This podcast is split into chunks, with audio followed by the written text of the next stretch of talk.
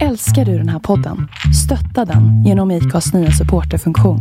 Det är helt upp till dig hur mycket du vill bidra med och det finns ingen bindningstid. Klicka på länken i poddbeskrivningen för att visa din uppskattning och stötta podden. Hiring for your small business? If you're not looking for professionals on LinkedIn, you're looking in the wrong place. That's like looking for your car keys in a fish tank. LinkedIn helps you hire professionals you can't find anywhere else, even those who aren't actively searching for a new job but might be open to the perfect role. In a given month, over 70% of LinkedIn users don't even visit other leading job sites. So start looking in the right place. With LinkedIn, you can hire professionals like a professional. Post your free job on linkedin.com slash achieve today. What is the source?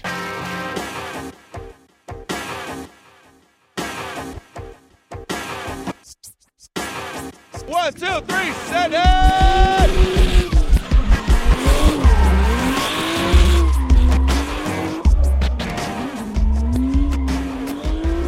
Dagens avsnitt av Driftpodden presenteras i samarbete med AssistMe.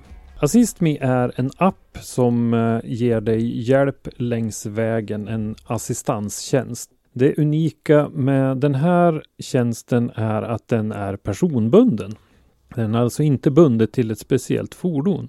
Utan är du ute och kör spelar ingen roll om du har lånat en bil, hyrt en bil, eh, har din egen eller vad det nu är så har du tillgång till hjälp genom Assist med appen.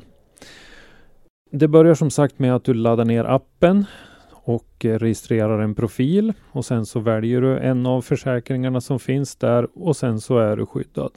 Skydden gäller i hela Europa i och med att du sköter allting i appen så slipper du telefonköer. Du trycker bara enkelt på assistansknappen i appen och följer ärendet live i appen när du behöver assistans. Och vad kostar det här då? Ja, det finns lite olika varianter att välja på, men vägassistansbil som är då en personbunden vägassistans för en eh, vanlig personbil kostar från 45 kronor per månad. Vägassistans husbil finns från 54 kronor per månad. Res plus bil är en tillfällig tjänst eh, som ger en, eh, ett extra bra skydd för din planerade bilresa finns från 19 kronor per dag. Och Res plus husbil, då motsvarande tjänst för husbil, finns från 23 kronor per dag. Så kika in på assistme.eu och eh, ladda hem deras app så får ni fullt skydd på era resor i framtiden. Och tack så mycket AssistMe för att ni stöttar Driftpodden.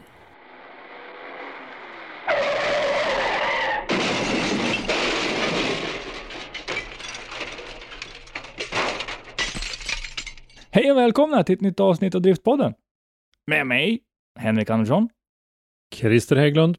Robban Strandberg. Tjena gubbar, allt väl? Jajamän. Nah, bihåleinflammation. Det är väl synd att säga att det är skitbra. Känns ungefär som någon har kört in, om jag skulle ha snorta chilipeppar en vecka. Ungefär så känns det. Hur många dörrhandtag slickar du på på en normal Jag vet vecka? inte, men du är jag- ju sjuk oftare än en dagisförälder. Ja, men det är ju så här när, när det kommer tattare från hela världen och inte kan hålla sig hemma bara för att de är lite förkylda tycker men jag ska bara gå och handla lite grann. Då blir det väldigt lätt så här. Och sen ska de helst stå så här och prata Ja, ja. och så har jag handen så en millimeter från ansiktet. Jag såg någon form av cattle prod man kunde köpa på Ebay som var en och en halv meter lång som, man, som är teleskopisk så här, så man kan ge folk elstötar med som det stod covid på. Jag funderar på att köpa en sån. Ah, usch. Där ser man. Eh, Vi Yes. har haft eh, deltävling 1 på SM. Äntligen deltävling ett. Äntligen deltävling 1. Och eh, jag tror inte någon har missat att vi har varit där. Eller vi. Jag tänkte säga, det var väl just jävla, jävla, jävla dåligt att säga vi, när vi, vi är de enda tre som inte var där. Nej, precis. Eh, däremot Motorsportmagasinet var på plats och gjorde ett grymt Mm. jobb med att rapportera. Så det är bra. Men vi tänkte ju då prata väldigt mycket om just deltävling 1. Eller? Ja, det blir väl eh, nästan hela det här avsnittet. Ja. Om vi börjar så här då, vad tyckte ni? Rent spontant sådär. Jättebra. Eh, I de allra flesta delar tycker jag. Eh, positivt överraskad. av, eh, av många grejer. Ja, jag med. Det kändes som att de hade liksom ruskat tag i någonting, skakat om det och gjort det lite bättre. Faktiskt. Mm. Men det kändes som att Absolut. det märks nu att den är liksom på väg åt rätt håll, sporten. Det liksom börjar bli mer erkänt och det är en större satsning på, även med promotorer och, och, och livesändningen var det också riktigt bra faktiskt. Ja, och sen eh, en sak. Eh, vi har ju pratat med Matilda Svensson som ju är eh, seriekoordinator som vi kommer att lyssna på om en liten stund. Och en av sakerna som jag pratade med Matilda om var attitydförändringen bland förarna. Jag tycker faktiskt att det är en ganska stor förändring av attityden bland förarna. Att man förut kanske var lite överdrivet kritiska mot, mot saker och ting som gällde eh, STC och eh, nu så är man otroligt positiv och så där och det är fantastiskt roligt att se den attitydförändringen därför att det lyfter eh, allting runt omkring och liksom hela snacket och hela, hela attityden, allting lyfts av det. Ja, men så är det ju, helt klart. Och det, det märkte man ju nu när man kollade på livesändning och allting. Att ja, men det, det, det kändes både lättare, mer glatt och Det känns Mm. proffsigare i år. ja, Mm. det gör det. Det gör det helt klart. Men eh, ska vi göra så att vi tar och lyssnar på intervjun med Matilda redan nu så kan vi fortsätta snacka sen. Välkommen tillbaka till podden Matilda Svensson, seriekoordinator för Gatbil Swedish Drift Championship. Tackar så mycket. Och numera även flygande reporter, får man väl säga. Ja, men det kan man nog säga kanske. I alla fall i gatubil STC-sammanhang. Ja, ja det var, vi har ju sett och hört betydligt mer av dig i eh, helgen här än vad vi är vana att göra. Du brukar ju alltid spela en huvudroll under de här, eller har ju gjort under flera år i alla fall under de här tävlingarna, men vi brukar ju inte se så mycket till dig som vi fick göra den här gången. Nej, precis. Jag brukar väl hålla mig ganska mycket i skymundan. Eh, Mm. Men det blev lite annat den här gången så att eh, ja, man har nog både sett och hört mig som du säger ganska mycket Mm. under den här helgen. Mm. Ja, men det är jättekul tycker jag. Ehm, vilken eh, fantastisk tävling det var, eh, tycker jag. Eh, hur känner du så här eh, några dagar efter?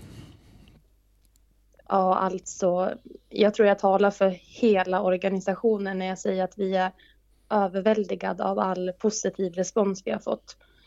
Eh, Dels är det ju fantastiskt att vara igång. Eh, Jag kan ju väl tillägga att jag, jag bodde ju i USA när vi körde de två sista deltävlingarna sedan 2019. Mm. Så jag har ju liksom verkligen räknat ner dagarna. Men nu fick vi ju en ja, riktigt ordentlig premiär och vi har ju definitivt lagt rib- ribban inför de kommande deltävlingarna. Mm. Ja, nej men eh, jättebra som sagt. Eh, bra körning tycker jag eh, i båda klasserna faktiskt. Lite smolk i glädjebägaren att det blev en topp 8 i RM, att det var tre förare som inte kvalade in där. Men såg du någon av, något av körningen där i, eller i semipro som vi ska säga? Ja, jag såg en del av körningen och jag blev väldigt förvånad över hur duktig semiprovförarna är.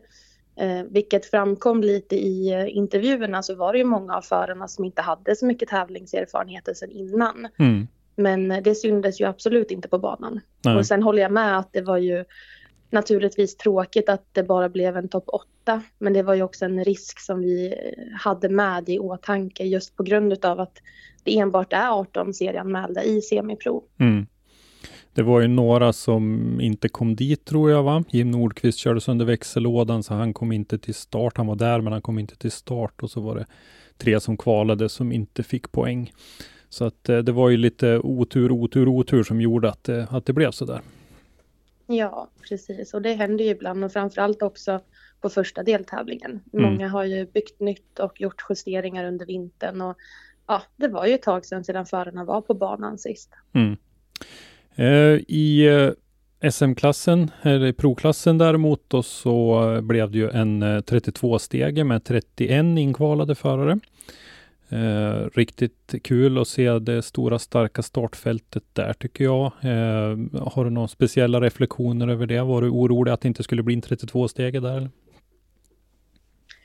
Ja, alltså den risken som sagt finns ju alltid med. Eh, men sen hoppades vi ju naturligtvis på att det skulle bli en topp 32. Eh, ja, det är lite i början på säsongen så vet man inte riktigt och framförallt i SM är det ju väldigt många nya som inte har tävlat på ett tag. Mm. Eh, Jocke Grahn bland annat som har haft ett uppehåll. Mm. Eh, många har också byggt bilar och byggt nytt inför säsongen. Så ja, det brukar alltid vara lite ringrostigt på första deltävlingen men som du, som du sa där, alla körde fantastiskt bra och presterade riktigt bra på banan. Mm. Ja, nej, det, var, det var riktigt kul att se och jag tyckte som sagt att det var, det var bra battles. Eh, många, många av dem.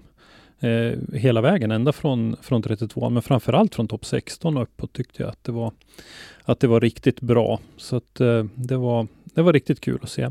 En annan sak som jag tycker är, som jag har reagerat över och som jag tycker är otroligt positivt, det är en attitydförändring hos, eh, hos förarna eh, i hur man pratar om serien. Eh, Ja. Tidigare tycker jag att eh, ni i utskottet, för du har ju varit med och drivit serien även tidigare, fast i, i form av utskottet då. då. Och eh, då har man, jag tycker att man har varit lite onödigt kritisk ibland. Och eh, nu så har det här vänts till en, en otrolig positivism över, över serien och, och över allting. Och det tycker jag är jätteroligt att se faktiskt. Eh, vad tror du kan ligga bakom eh, det, den förändringen? Ja, dels i och med att STC har lite av ett nytt koncept i år. Vi har ju gatubil som promotor eh, som går in och har väldigt mycket resurser bakom sig. Det är naturligtvis så att eh, även det ger, eh, vad ska man säga, lite mer luft under vingarna för serien. Mm. Sen har vi, tror jag, en, vi har på något vis lyckats framför, framföra lite vår vision och vår tanke med hur serien ska utvecklas. Eh, vilket jag tror att förarna har snappat upp. Och de är ju lika taggade som vi är. Och precis som du säger, vi märker av en väldigt stor förändring i deras attityd.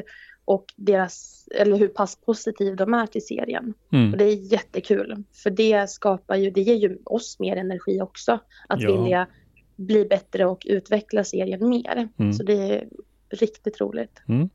Eh, nu då så här eh, några dagar efteråt, eh, är det någonting du känner eh, att ni behöver lyfta och göra bättre till eh, nästa omgång eller till de övriga deltävlingarna? Här?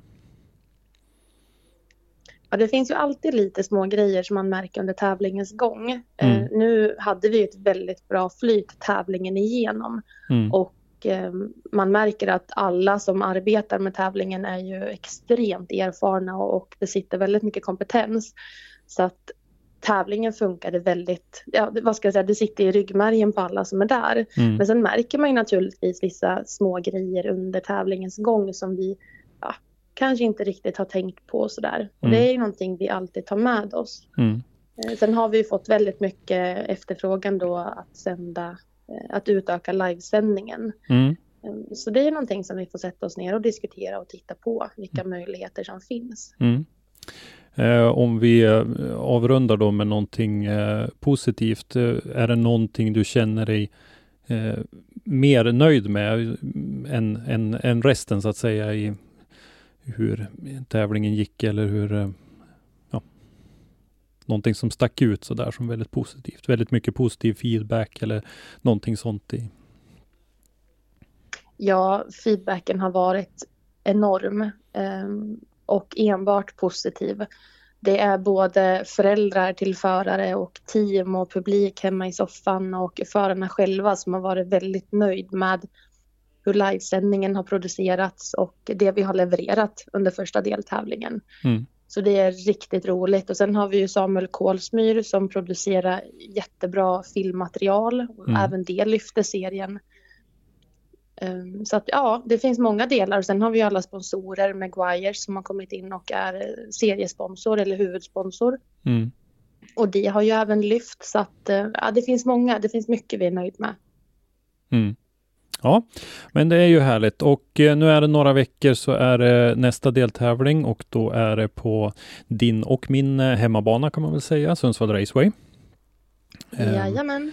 Det ska bli spännande, en helt annan typ av bana eh, och eh, en rutinerad arrangörsförening där. Hur, hur ser du fram emot den tävlingen? Ja, jag är sjukt taggad. Dels som du säger, det är ju min hemmabana. Det var ju där jag började syssla med drifting och arbeta med drifting. Så det är klart, den deltävlingen ligger kanske lite varmare om hjärtat. Mm. Men eh, sen också just för att den är så pass annorlunda gentemot bansträckningen på Mantorp Park. Mm. Det ska bli ja, det ska bli väldigt spännande att se hur förarna presterar på Sundsvall. Mm.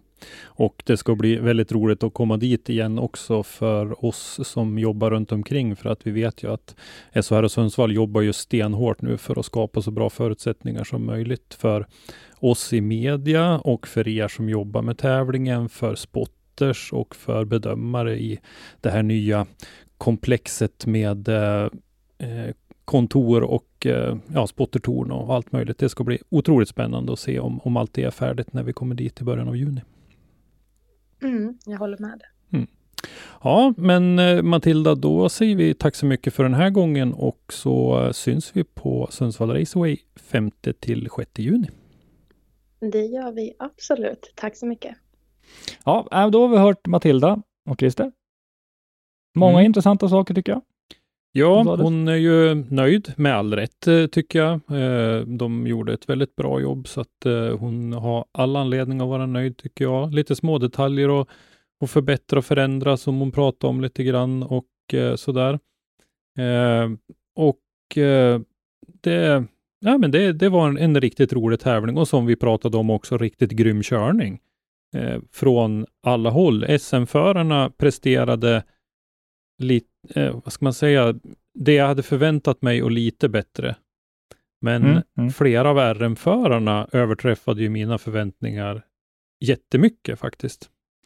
Ja, alltså det, det man såg när man tittade, det, det, de ligger ju inte långt ifrån SM. Nej, och vilka bilar de har. Ja. Vi, så här, då klev man in lite sent så var det nästan svårt att skilja på vad som var vad, vilken klass som var vilken. Var det nästan lite sent? Är det någonting du vill erkänna? Ja, jag sov lite där då. Ja, vi var hemma, var lite kass och lite sjukt så jag vaknade typ så här 20 minuter in i sändningen och så bara, visst ja, vi måste se på det här också helgen. Mm. Ja, det var ja, riktigt nej, kul, precis. jäkligt roligt. Eh, vi har ju pratat förut om Alfred Grimberg bland annat som kör Emil Wikmans eh, gamla Nissan och och Albert Eriksson som sagt som har en, eh, en bil som har gått i DMEC. Vi har en eh, Toyota Supra som har gått förut. Så att det är ju ett helt gäng riktigt bra bilar och jag tycker det är kul att de här killarna också visar att de hade körningen som, som eh, harmonerade med, med de där bilarna. Så jag är riktigt imponerad av, av RM-förarnas eh, första deltävling.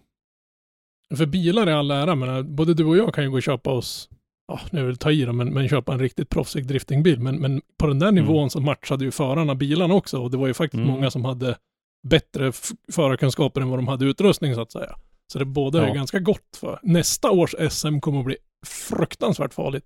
Ja, det som var lite synd, som jag också nämnde för Matilda, det var ju det där att de var bara 12 inkvalade mm. förare så att det blev bara en topp 8. Det behövs ju 13 förare för att få köra en topp 16 och de det var mest synd om då var ju Niklas Nisse Andersson, Johannes Rydberg, Joakim Gustafsson och Robert Åhäll som, som fick kvalpoäng men som inte fick köra då, utan kom utanför stegen. De fick ju seriepoäng givetvis ändå, men det är ju, det är ju klart att eh, de vill eh, vara med och tävla och köra eliminering. Så att, eh, det var ju lite synd. Jim Nordqvist hade extrem otur, körde sönder växellådan efter 100 meter in i första eh, träningspasset, åkt från Örnsköldsvik och ner. Eh, oh. Så att, eh, det var lite osis för honom. Det är något med Övik Men... och växellådor den här helgen. Det verkar vara det. Ja, precis. Herman bytte väl en han också. Mm -hmm. ja, för Herman hade ju ingen bra helg heller. Det var ju Nej, Inte bara växellådan, det var väl strul med lite allt möjligt. Vi, ja. vi kan väl eh, svänga över lite grann på SM, men vi, vi kommer till, vi har fått lite kommentarer från några olika förare som vi har lite längre här, men jag tänkte börja med att säga någonting om banan. Jag, jag, måste, jag får nog faktiskt erkänna att jag har lite svårt för banan uh, åt det här hållet, åt fel håll. Jag tycker inte att det blir lika bra tävling som det blir när man kör den åt rätt håll. Och det är av den anledningen att man har det lite långsammare partiet i början och så sen så sträcks det ut. Och jag tycker att eh, många av förarna hade väldigt, väldigt lite vinkel på slutet där. Det var ganska många som bara hade vänster bakhjul i både zon fy, vad blir det, fyra och fem eller vad blir det? De två sista där. Eh, en, två, Eh, tre och fyra va? ja, de, ja, de två sista. Är de efter, eller eh, vänster, i, i högersvängen så att säga. Mm, ja, Men ja, nackdelen med den där banan tycker jag också att det blir, eftersom det är så pass lång raksträcka, det blir väldigt mycket dragracing i början, vilket man Ja, såg. det blir sep- ja, dels det också, men så blir det separation på slutet. mm. Jag tycker att när man kör den åt andra hållet, då har man så snabbare partiet i början. Då har Chase-bilen eh, lite chans att ta igen när, när farten går ner igenom F2-kurvan. Då Mm. har Chase-bilen möjlighet att ta ikapp lite grann och så brukar det ofta vara väldigt eh, dörr i dörr på slutet istället. Och nu blir det så att eh, den, den smalnar ju av också mot slutet, så det går ju liksom inte, men hamnar man i i, vad ska man säga, i, i Mm. luckan där, då måste du släppa av för att inte bli i vägen för leadbilen som Chase-bil så att säga. Då blir det, då blir det en automatiskt gap där som du måste jobba, jobba ikapp innan mållinjen så att säga. mm. Den, den är, det, det känns som, jag har inte varit där och mätt, men det känns som att banan är, den delen av banan är smalare än vad startdelen är så att säga. Ja, det kan tänkas. Men eh, Mm. förarna verkar ju gilla den. De får ju positiv eh, feedback och sådär. Och det är väl klart att det är viktigare att de tycker om den än att jag gör det. Men, men jag, jag tycker bara att det blir inte riktigt den här propagandadriftingen som jag tycker att det kan bli när man kör eh, den där delen, Mjölby-delen åt rätt håll. Eh, faktiskt. Sen tycker jag röken faller åt fel håll och, och, och sådär också. Man får rök framför läktaren och framför kamerorna direkt. Det var väldigt mycket Eh. surfarbror nu tycker jag. Det var så Ja, jag att vet. man Jag nästan är en, drar jag är en efter sur luften. farbror. Men jag tyckte att tävlingen var fantastiskt bra. Men jag tycker Ja, ändå var att, att eh, det blir ännu bättre om man kör den åt rätt håll. Ja, varje gång de har kört den, alltså det hållet, då har ju röken varit ett problem. Mm. Det handlar väl lite om hur, hur, åt vilket håll det blåser också. Jo, det tror gör inte det bansträckningen påverkar så jäkla mycket. Vi säkert. har Jag har ju alltid motvind, det vet du ju. Ja, ja. Nej, men eh, vi, och vi, vi kanske tänker lite grann. Vi har ju jobbat med livestreamen några år och sådär, så att vi kanske tänker lite på sånt mer än vad gemene man gör. Nu var det ju ingen publik där, utan det var ju ja, några teammedlemmar som satt på läktaren där och så, så det gjorde väl kanske inte så mycket att röken la sig mot, mot läktaren direkt. Men, men eh, ja, i alla fall så Ja, vi, vi, vi, vi, ja, personliga. vi, kan ju, se- vi, vi kan ju säga så här. Eh, Den bansträckningen, eller det, det, det, det körriktningen är inte vad, vad vi tycker om. Ja, men alltså- andra. Det, det jag stör mig mest på det är ju det som jag sa tidigare, att det blir liksom en lång drag racing strip i början. Och har du då inte tusen hästar, då har du ju skitsvårt att, att hänga med leadbilen. Många Chase-bilar hade väldigt, väldigt vinglig in, ingång i initieringen tycker jag.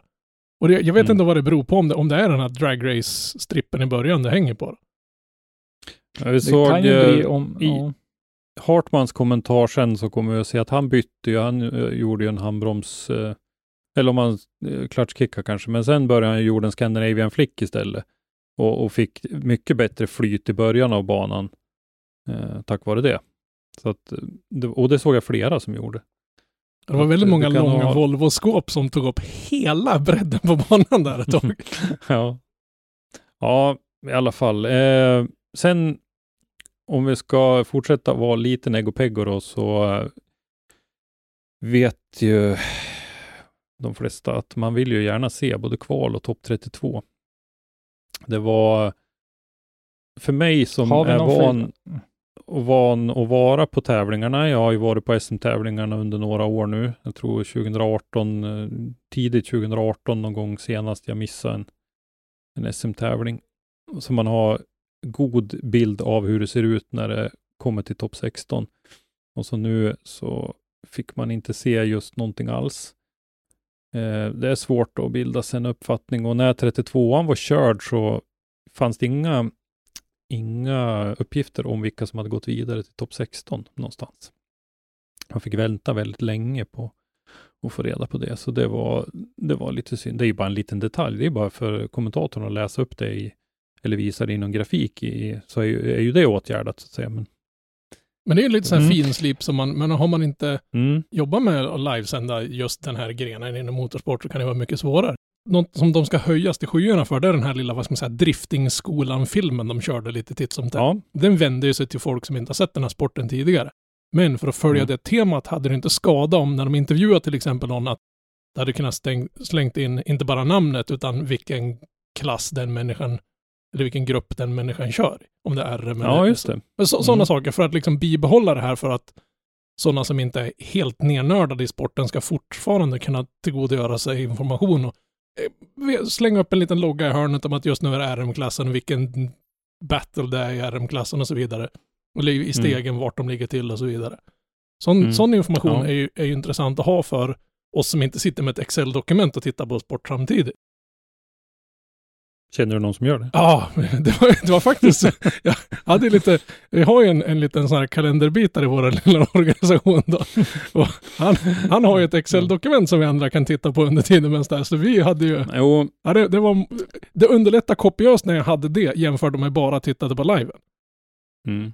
Nu, nu ägnar vi lång tid åt, att- åt att gnälla på liven där, men vi, på det stora hela tycker vi att det var jättebra. Men, men det finns några små detaljer att, att slipa lite på. Det var ju lite, en hel del missar i grafik och sånt där. Det var fel, både namn i fel klass och det var fel foton till fel namn någon gång och sånt där. Men det är också sådana där små missar som, som eh, kommer att sätta sig med tiden här. Men allt det här långa gnällandet som vi har gjort nu, det är ungefär 1% av hela livesändningen. 99% av dem var helt enastående bra måste jag säga. Jag var, Ja, det var- jätteimponerad. Johan Andersson som eh, sidekick tyckte jag var fantastisk. Vet vi varför de inte sände topp 32? Nej, jag kan väl inte tänka mig annat än att det är en ekonomisk fråga. Att det blir, eh, för jag menar, eh, när topp 32 är körd så är ju halva tävlingen körd. Mm. I, I antal battles. Mm, ja, De hade det- kunnat ja. kört den istället för att visa det här äh, tomma, tomma nothingness i 48 minuter som var mellan där. Eftersom det inte varit I och någon... med att det inte varit någon 16 steg. Ja. Mm. Ja, Ja, men alltså, ja, på det stora hela så all heder, det var grymt jobbat utav allihopa där. Det positiva var ju att vi Tycker jag. slapp ju se en soptraktor i 40 minuter som vi brukar göra i vanliga fall. Eller en Ja, den bärgningsbil. där traktorn, ja, traktorn brukar vi kunna få se ganska Ja, mycket. men det händer inte så mycket. Men, nej, jag tycker de gjorde ett skitbra jobb. Jag ser verkligen Mm. fram emot nästa tävling. En sak som jag även eh, nämnde för Matilda när jag pratade med henne, som dock inte blev med i intervjun vi lyssnade på nyss, det var att den där uppehållet gjorde att hon fick göra väldigt många intervjuer, vilket gjorde att hon blev varm i kläderna i sin roll som intervjuare, som ju är ganska ny för henne. Vilket gjorde att jag tyckte att de hon gjorde på slutet var, var betydligt bättre än de från början. Och hon, hon sa det själv också, att hon var ganska nervös när hon drog igång det där, så att hon fick göra ganska många komma in i den där rollen ordentligt och, och bli varm i kläderna. Så att det, det, det var ju en fördel, för att de jobbade ju ändå på för att vi skulle slippa sitta och titta på soptraktorn. Mm. Det, var, ju- det må, måste ju vara kul att liksom få, få lära sig live, så att säga. Inte öva Ja. innan och ta en mix, springa runt och intervjua lite fort. Nej, jag tycker, tycker hon gjorde ett fruktansvärt bra jobb med det också. Ja, ja men, Men, ja, precis. alltså det, Så det var att, ett väldigt, väldigt, ett, ett välkommet inslag, Ja, just ja. de här Mm. intervjuerna. Ja, ska vi gå över på det, på det pinsamma eller? Nej. Ja. nej, nej, jag tittar på Nej. min. ja, jag kan ju börja jag. Eh, jag. Jag tippade ju Pontus Hartman och Micke Johansson. Och jag, Pontus Hartman och Micke Johansson i final, Mattias Johansson och Herman Jansson i battle om tredje. Och jag tippar Herman och Pontus. Precis, och Mattias var med och eh, tippade Micke Johansson, Jocke Andersson i final, Lilja och Hartman i battle om tredje. Och eh, kikar vi då i resultatlistan så var det ju mycket riktigt då Mikael Johansson som eh, körde final och som tog hem det hela. Men han fick möta Kevin Brunberg Mm. som ju trivdes otroligt bra på den här banan, för han var nog den som körde mest av alla, tror jag. Han körde väl, eh, han körde väl eh, One More Times i 32, 16 och 8 va? Han var ju där Mm. typ hela Ja. tiden. Han eh, körde One More Time mot Herman i eh, 32an och sen så körde, vem var det han mötte i topp 16 då tror jag. Det borde du veta som har ett sånt där Excel-dokument. Ja, det borde jag veta, men eh, det gäller ju att komma ihåg också. Han mötte Jocke Andersson, ja precis. Och det blev också en one more time. Och sen så Ja, just det. mötte han Tony Averstedt och då skrotade han ju vänster bak Ja. Mm. och eh, blev ju då av med bromsarna på, Oj! ba, på bakhjulen. Så han var utan handbroms. Eh, eller färdbromsen funkade nog, men handbromsen funkade inte, så han var utan Ja, handbroms. eh, det, han, han blev av med all bromsverkan. Så bak. det var inte bara liksom Ja. en brutal avkrängning av däck där som, som vi Nej. hemma i tv-soffan slet trodde. av, slet av bromsslangar också. Och det var ju efter halva battlen mot Tony Averstedt så gled han ut lite grann. Och det är ju återigen en av nackdelarna med att köra en bana baklänges. Så kom han ut och slog emot curbsen på sidan där och från det hållet så är ju den där kanten stenhård. Från den Mhm. andra hållet så är den ju avrundad och mjuk, men Mm. det slog sönder det där. Men då gjorde Tony något motsvarande misstag i eh, returen och så fick de eh, köra en one more time och den tog Kevin hem. Mm. Så att han gick till finalen. Ska vi dra Nej, han gick till topp fyra. Han gick till topp fyra, för, förlåt, där han slog ut Andreas Staber. Jag hoppade över ett steg där. Ja. Ja, vi kan väl dra listan. Eh, ska du dra den Henke? Jag kan dra den. Eh, vinnaren då, Mikael Johansson. Tvåan, Kevin Brunberg. Eh, Andreas Staberg. Kvalettan, han kom in på tredje plats. Martin Freid, han kom på fjärde plats. Pontus Hartman, femma. Patrik Frey Algar, sexa. Tony Averstedt, sjua. Joakim Gran, åtta. Mattias Johansson, nia. Eh, Filip Ågren blev tia. Andreas Lilja blev 11, Fredrik Persson 12, Viktor Wettermark 13, Joakim Andersson 14, Henrik Johansson 15, Jonas Fransén 16, Mikael Andersson 17, Anders Haj 18, Mattias Bengtsson 19, Jimmy Karlsson 20, Viktor Andersson 21, Erik Kagg 22, David Mellqvist 23, Johan Jalkelid 24 och Pontus Karlsson 25. André Andersson 26. 26. Ni ser. Tobias Andersson 27. Herman Jansson 28. Erik Kalikis 29. Henrik Kåre 30 plats. Och Fredrik Westring 31 plats. Det var en hel del som var roligt att se av det där kan jag tycka. Jag tycker vi såg två stycken fina nybyggen. Anders Haj eh, tycker jag har gjort ett fint eh, nybygge, ny, nyare BMW. Han har ju kört en E36 som har sett lite sleten ut på slutet. Eh, den har varit med en hel del, ja. Kagg Mm. var rolig att se i sin nya E92 som eh, Drift Brothers har byggt. Mm. Så eh, det var kul. Eh, sen hade vi ett par rejäla avåkningar också. Henrik Kåre bland annat dök ju på näsan riktigt ordentligt med, med bilen där under fredagen. Vad var det som hände Men, egentligen? Den, den såg jag aldrig vi, utan vad, vad var orsaken till? Han kom väl utanför också och stötte i och greppade tag på något vis. Han eh, dök på näsan, för han slog ju av höger bakhjul. Ja, för Dennis hade ju en rad ganska schyssta bilder. Jag vet inte om, om det blev typ så här, vad ska man säga, pogo-stick-effekten utav bakhjulet, om det veks in under och skickade upp bilen. Men Ja, det kan väl varit något sånt kanske. det var ju världens flyt som att det inte varit värre än vad det blev.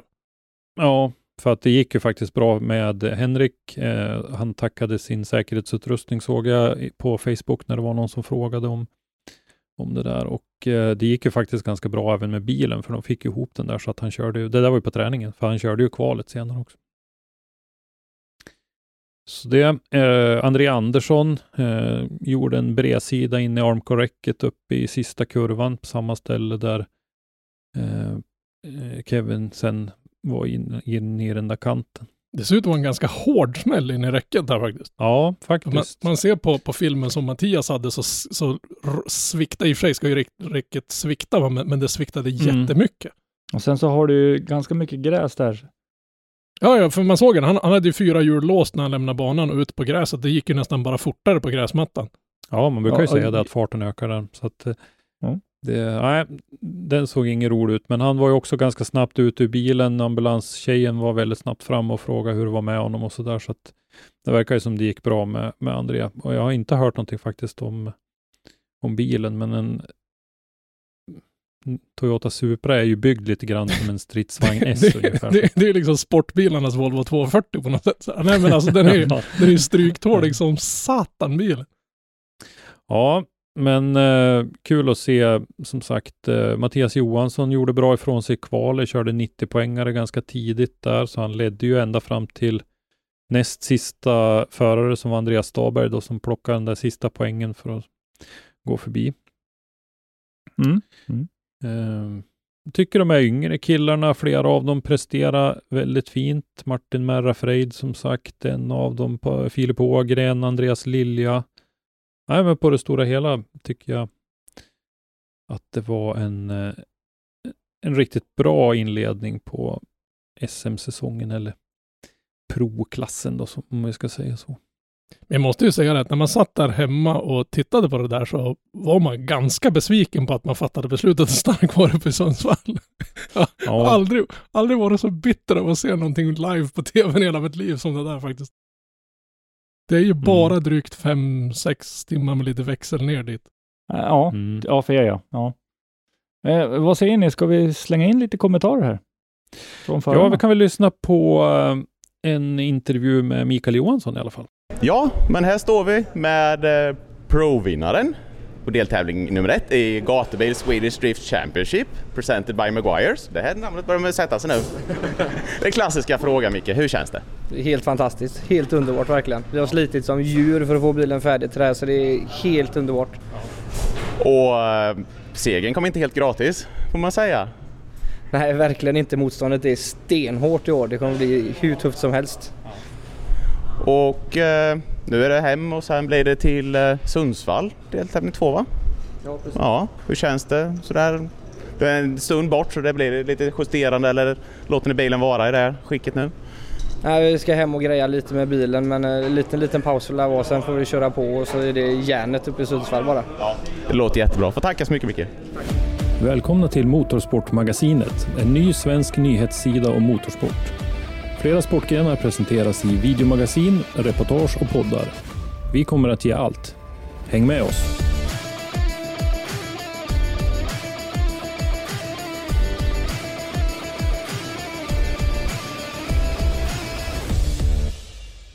Så då har vi hört lite grann om eh, Micke Johansson.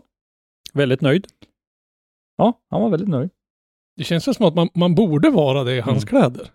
Ja. Men hade Jo. någon av er väntat sig att han skulle säga äh, det här sög. Nej, men eh, det är klart att man är lite extra nöjd också när det har jäklats med bilen. Vi vet ju Ja. att de var uppe hit till Sundsvall och, och eh, mappade den och sen fick åka hem igen med oförrättat ärende och sen uppe tillbaka igen till Motornord och, och, och få hjälp med mappningen där. Så att eh, det är klart att eh, de, de trodde nog kanske inte att de skulle hinna få ihop det riktigt. Men Motornord borde öppna en filial någonstans strax söder om Stockholm.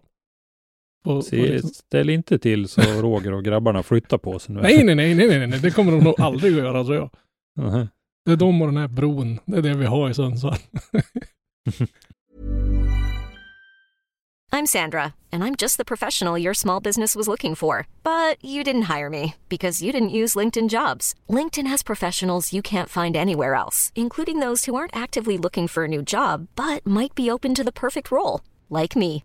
In a given month, over 70% of LinkedIn users don't visit other leading job sites. So if you're not looking on LinkedIn, you'll miss out on great candidates like Sandra. Start hiring professionals like a professional. Post your free job on linkedin.com/achieve slash achieve today. Hold up. What was that? Boring. No flavor. That was as bad as those leftovers you ate all week. Kiki Palmer here, and it's time to say hello to something fresh and guilt-free. Hello Fresh. Jazz up dinner with pecan-crusted chicken or garlic butter shrimp scampi. Now that's music to my mouth. Hello Fresh. Let's get this dinner party started. Discover all the delicious possibilities at hellofresh.com.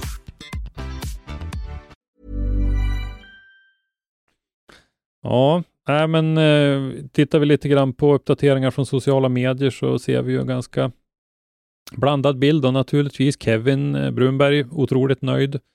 Eh, kriga på. Det var inte alldeles självklart heller då när han hade mm, kört av där så fick han ju ta sin femminutare och Mm. eh, de hade väl eh, ja, de var nere på under 20 sekunder kvar i alla fall när, när de var klar med, med bilen. Så att eh, det var inte alldeles självklart att det där skulle funka. Men han kom ut igen och eh, är ju naturligtvis jättenöjd. Han eh, säger ett extra tack till Daniel Ahlstedt som var spotter.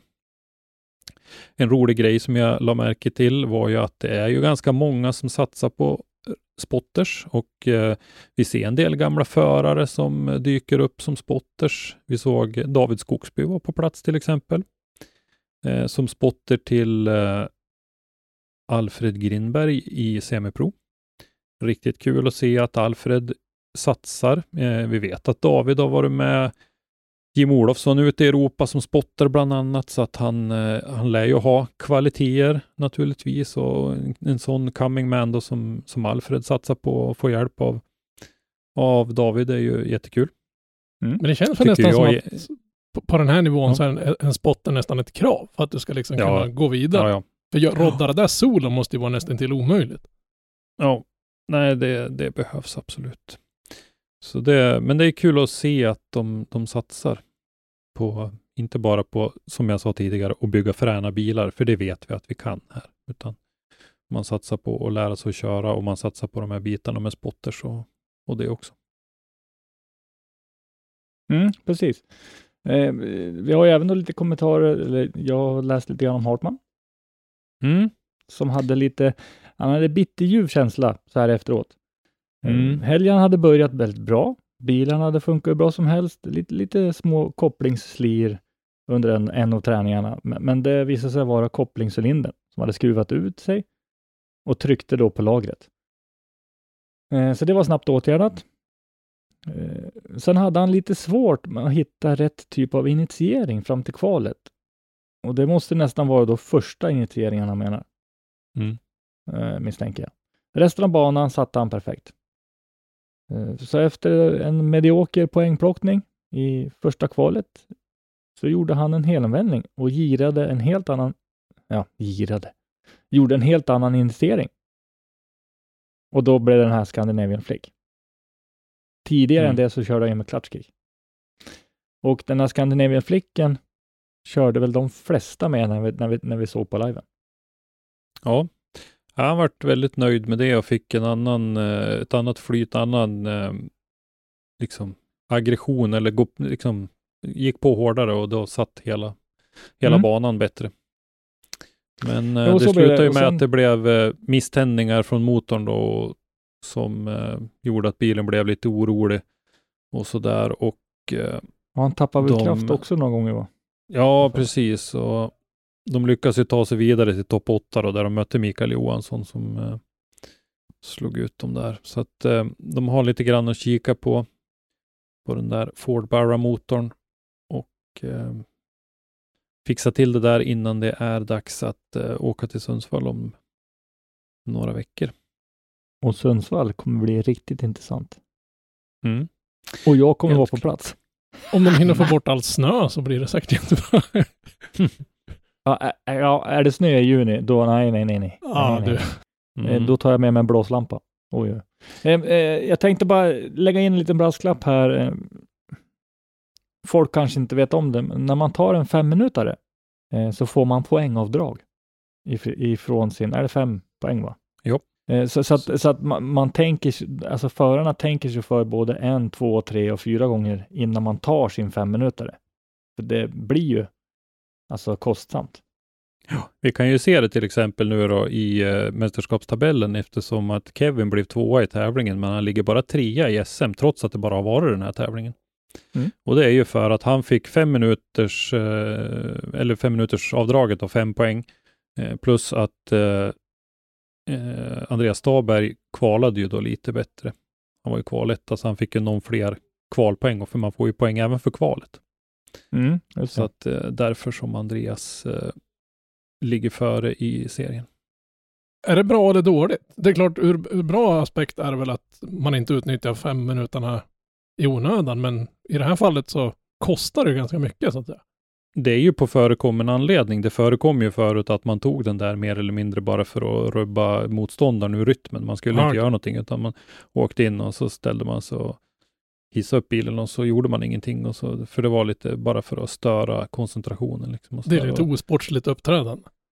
Mm. Ja, sen så i samband med att man gjorde om det där så gjorde man ju även om regeln. Förut fick man ju inte göra någonting som hade med däcken att göra. Man fick ju inte byta däck. Eh, enligt de gamla reglerna hade ju Kevin varit utslagen efter den där avåkningen för han hade inte fått bytt däck. Ja, just det. Eh, Mm. I och med att man eh, gjorde om då så att det kostade mästerskapspoäng, då gjorde man ju även om att det var fritt att justera lufttryck eller byta däck eller så vidare. Så att, nej men det, jag tycker nog att, man, att det är bra som det är. Ja, men det, det ska vara, det ska sitta lite hårt inne faktiskt. Det, det, det, det är bättre. En annan som hade en eh, ganska tuff helg då var ju Herman Jansson. Som eh, inte fick till det riktigt. Vi tippade ju honom väldigt högt upp i, i eh, resultatlistan. Eh, finaler och tredje pris eh, battles och sådär. Det blev en 28 plats innan det var färdigt. Och eh, han förklarar ju det med att eh, utväxlingen funkade ju inte alls för den där banan där eh, treans växel var alldeles för kort och fyran blev alldeles för lång.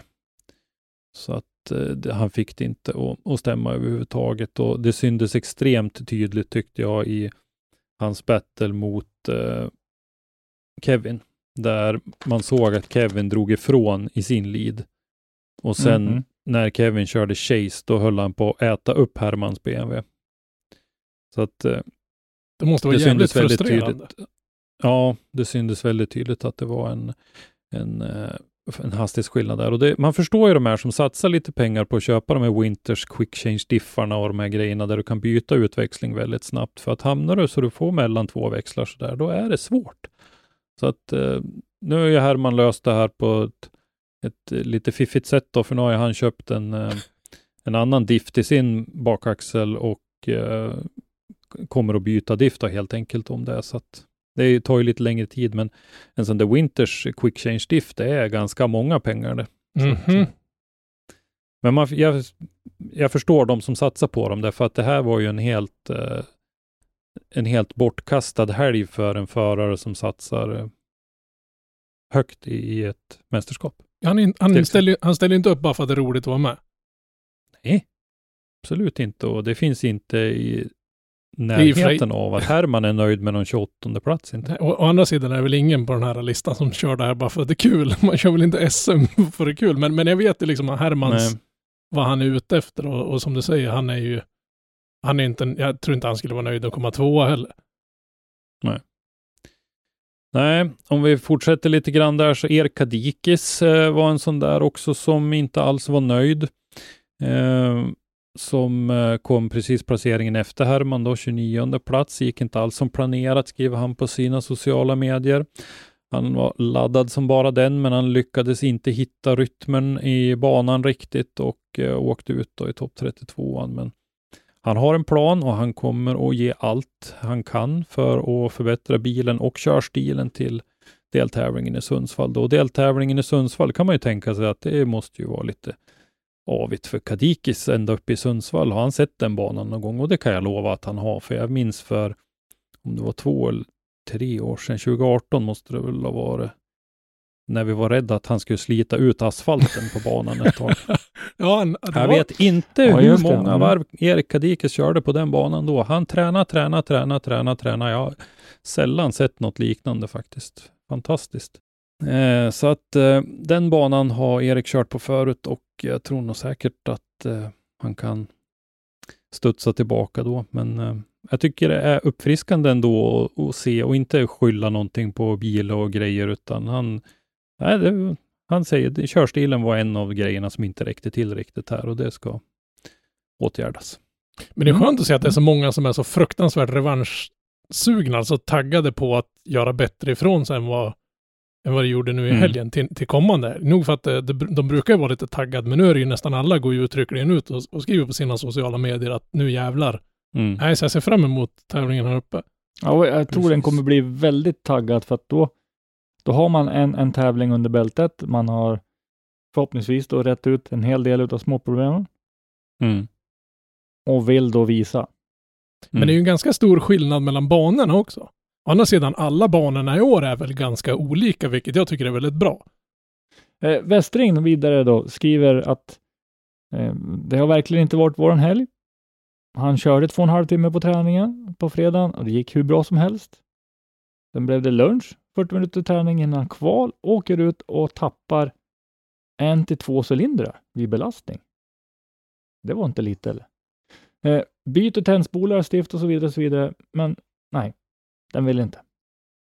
Uh, han testar ändå att köra en kvalrepa, men uh, med då i princip noll effekt. För att få ihop någon poäng i alla fall. Och han lyckas ju i alla fall med nöd och näppe ta sig in. Ja, han kvalar ju in där med 25 poäng bara. Men han tog ju 31 platsen i stegen i alla fall. Ja, eh, däremot så när de åkte, de, de trodde att de hade hittat felet. Fixar det, åker ut på träningen innan topp 32 och sen så kommer felet tillbaks. Så de lämnar ju walkover då. Det var ju lite osäkert där därför att eh, han skulle ju möta en annan förare uppe från övre norra, Mattias Johansson eh, från Vännäs och eh, han körde ju växellådshaveri på träningen där innan topp 32 och ja. Jag skrev ju ett inlägg i det där eh, i en eh, Facebookgrupp och att han hade ju några timmar på sig, men jag vart ju ganska snabbt rättad eh, av Jim Nordqvist tror jag det var, att eh, det var ju topp 32 innan dess, så att eh, han hade inte några många minuter alls på sig, men de lyckas ju byta den där växellådan i alla fall, så att eh, där var båda förarna faktiskt osäkra på om de skulle hinna komma ut. Men Mattias Johansson hann, men eh, Westring fick lämna walkover, så det var ju himla trist. Ja, en driftingtävling, byta en växellåda. Mm. Det, gör man ju, det gör man på en minut ju. Ja. Det är ju inga nerver ja. med i hela grejen heller, utan det är liksom bara en SM-deltävling, så det är, det är bara. det är bara riva ner, det är bara riva ner och upp med igen. Ja. Mm. Ja, den sista som vi hade med här då i den här lilla sammandraget var Albert Eriksson i CM-pro som eh, ju inte heller hade den helgen riktigt som han ville. Kämpa på med inställningar av bilen under träningen och de bytte coilovers och bytte från gatdäck till R-däck fram och sådär. Och det, det är också en sån grej som kan låta som en, en struntsak att byta, men då måste du värma de däcken otroligt mycket mer för att du ska ha något fäste överhuvudtaget och så där. Så att det är nog lite annan körstil och mm. annat att vänja sig vid. Men eh, de eh, kände sig bättre i alla fall. De fick eh, lite dålig poäng i första kvalrundan och sådär, men eh, de eh, kvalade ju in i alla fall med nöd och näppe, så de fick eh, den där åttonde platsen då, eftersom det bara blev en topp åtta som vi sa tidigare. Mm. Mm. Så att de fick köra eliminering i alla fall. Men eh, i den då så blev det respass eh, direkt mot eh, Alfred Grindberg då som kom sedermera att bli trea. Yeah, vi mm, kanske mm, ska dra kör. resultatlistan i Semipro också lite snabbt. Mm. Eh, etta där vart Andreas Johansson, tvåa Filip Edberg, trea Alfred Grindberg som var kvaletta, fyra Alexander Boström, femma Filip Josefsson, sexa Oskar Lindqvist, sjua Teddy Klang, åtta Albert Eriksson, nia Niklas Andersson, 10 Johannes Rydberg, 11 Joakim Gustafsson och 12 Robert Åhäll. Och de här fyra sista då eh, kom ju dit på sina kvalresultat eftersom de inte var med på elimineringen. Mm. En, en, en intressant sak var ju Andreas Johansson. Va? Ja, det var ju första tävlingen för han mm. och första gången han körde Twin. Mm. Inte bara första gången för året, utan alltså första gången. Det var jättekul att se och det var ju flera av dem. Alfred Grimberg var också första gången han tävlade riktigt. Han körde ju Brejsladden på någon av gatubileventen mm. i, mm. och, och, lyckades bra där. Men eh, traditionell driftingtävling var det första gången det här. Så att mm. eh, det var kul att se. Det, det jag saknar i den här listan, det är ju ett par tjejnamn faktiskt. Jag skulle vilja ha några tjejer med och det är ju så vitt jag vet tillåtet med, med uh, wildcards även i i semipro. Så att, eh, ja, passa på att anmäla som wildcard så, så får man ju testa på. Även kör man en tävling så, så kanske det räcker för att man tycker att nej, det här vill jag göra. Mm. Men man får ju åtminstone en chans att se vart man står. Exakt. Och sen, vad heter det? Jag, jag drog en liknelse förut med, jag är ju mycket glad motionär och springer lite grann och har ju sprungit några lopp och sådär. Att vi brukar prata om den här nummerlappseffekten, att man, man lyfter sig själv när man får på sig nummerlappen på bröstet. Man, man, det är svårt att springa på träning lika fort som man gör på en tävling av någon anledning. Man lyfter sig lite extra, tar i lite extra. Och det är samma för driftingförarna också, att eh, den där sista lilla motivationen och det sista lilla laddet liksom för att göra en, en, en riktigt bra körning. Sitter och åker 14, 15, 16, 17 varv på Sundsvall Raceway runt, runt. Det är en sak det. Men står det där i, i topp 16 i semipro och eh, det är vinna eller försvinna. Så nog fan laddar du lite extra då. Ja, Men det, det ger ju lite extra tagg. Det gör ju det. Och den, menar, Ja. på en träning i all ära, där kan du liksom, ah, det här var inget bra. Sakta ner och bara åka in och ta, käka en korv. Men menar, på tävlingen, där, där är det ju do or die. Där ser vi ju väldigt olika hur folk hanterar den där stressen och pressen. Därför att en del, de, de packar ju ihop helt och hållet. De, de blir ju i princip förlamade av den där pressen. Medan en del andra, de här som man slänger in när det är liksom spel 6 mot 5 på slutet i hockeymatchen, liksom de här som, som, som bara vill bli hjältar helt enkelt och, och som lyfter sig själv i håret av den där, verkligen bara blir pepp och, och, och laddad av den där. Mm. De, och, och det där tror jag är svårt att veta innan om man inte har provat vilken av de personerna man är. Ja, men det, det gäller att ha en vinnarskalle. Ja. Vi, eh, vi, vi, ska vi komma ihåg att nämna det här med wildcards? Att Ja. vi vill eh, absolut se fler wildcards. Nu var det ju ingen, jag tror det var så att den som var anmäld som wildcard från början till Mantorp-tävlingen eh, blev med i serien istället. Så att den föraren försvann inte, men det blev inget wildcard som, som Mm. sådant till den här första tävlingen. Men nu till tävling två i Sundsvall så har vi ju sett Jim Olofsson. Han har ju gått ut och frågat fansen om de tyckte att han skulle köra och han eh, fick ju väldigt rungande ja på det, så han håller ju på att göra en plan om han kan hinna få ihop sin eh, E30 tills dess. Den har ju stått garagerad sedan hans eh, proffssäsong 2018. Det var ju en del Han på den här kört- listan såg jag. Jo, han har väl kört lite grann tror jag sedan 2018, men in, han har ju inte tävlat. Jo, men han, han, han, det- han hade gjort en liten lista på saker som måste fixas. Och det var ju det var det två, två sidor i något block. Så här, idag såg jag någon bild på som han hade postat. Då står en, bilen längst in i ett hörn bakom en massa grejer. Det är inga skärmar, inga dörrar, ingenting. Så jag Nej. hoppas verkligen han lyckas skruva ihop honom. Men å andra sidan, de som skruvar åt den killen har ju bevisat att de kan göra vad Jo. fan som helst på hur kort tid som helst. För jag menar, efter kulningen och sen bara några helg efteråt stå på Gröndal och köra, det var... Nej, så är det någon som klarar av att ha den listan de måste gå igenom för att bli startklar så tror jag att han, den killen klarar det. Men sen läste jag, tjuvläste lite på den där listan också. Någon punkt var ju så här, köpa nya tändspolar och sådär. Så att Ja. det var ju inte Nej, nej, blä, blästra och lacka chassit. eh, Det var ju inga, det var inte sådana grejer bara, utan det var ju en del Det ganska ju- snabba. Ja, det var fixade inte grejer. bygga upp ett skal om man säger så. Nej, men det, någonstans där står det säkert vart ligger mina framskärmar. Alltså men det är typ en sån sak. det, det är ju ett tag sedan jag körde den där sist.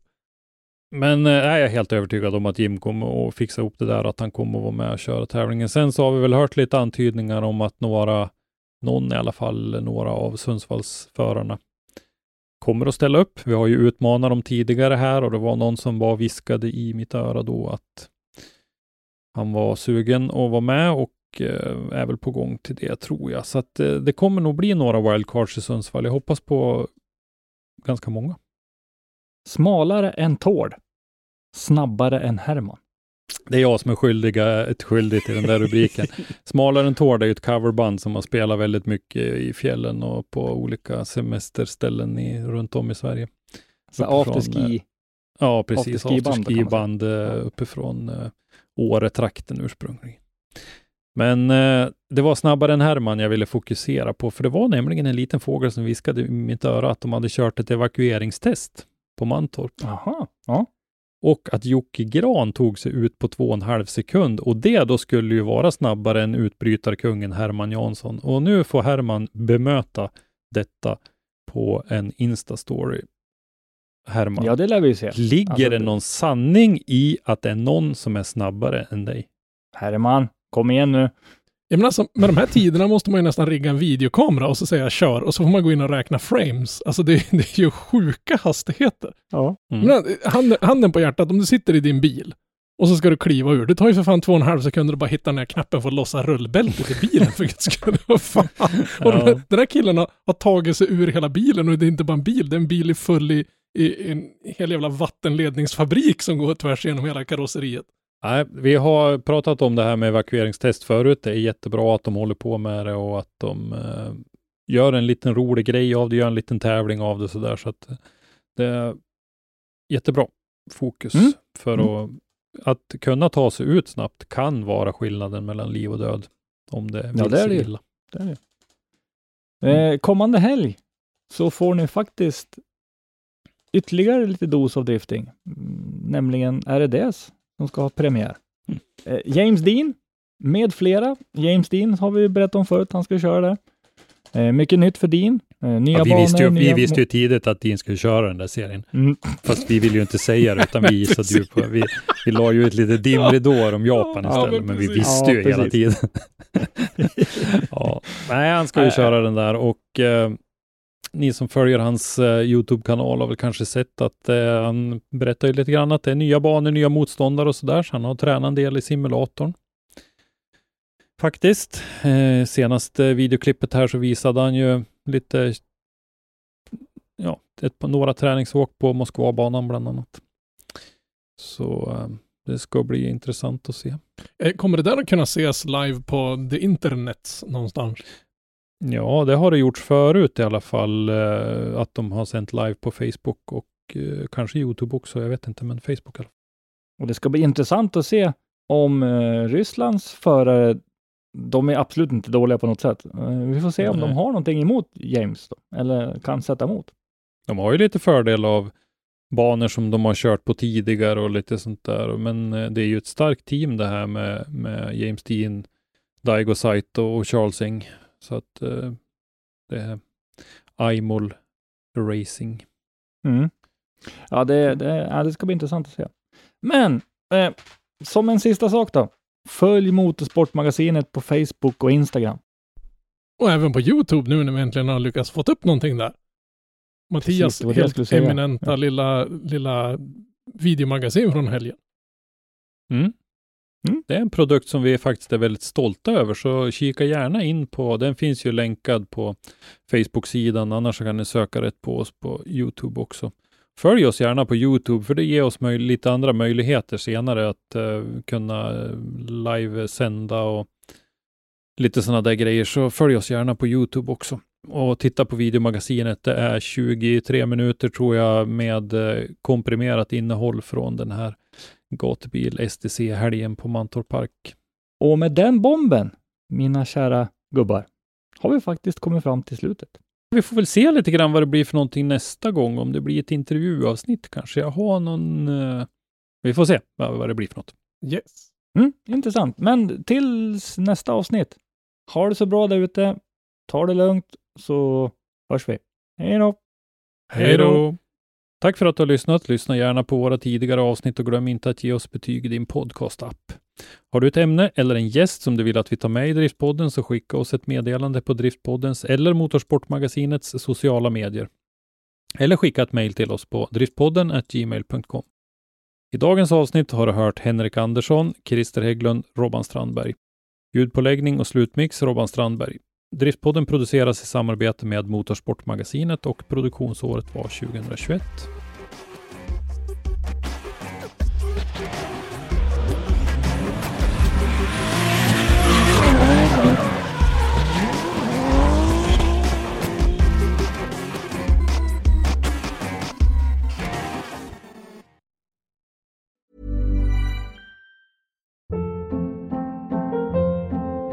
Hold up. What was that? Boring. No flavor. That was as bad as those leftovers you ate all week. Kiki Palmer here, and it's time to say hello to something fresh and guilt-free. Hello Fresh. Jazz up dinner with pecan-crusted chicken or garlic butter shrimp scampi. Now that's music to my mouth. Hello Fresh. Let's get this dinner party started. Discover all the delicious possibilities at hellofresh.com.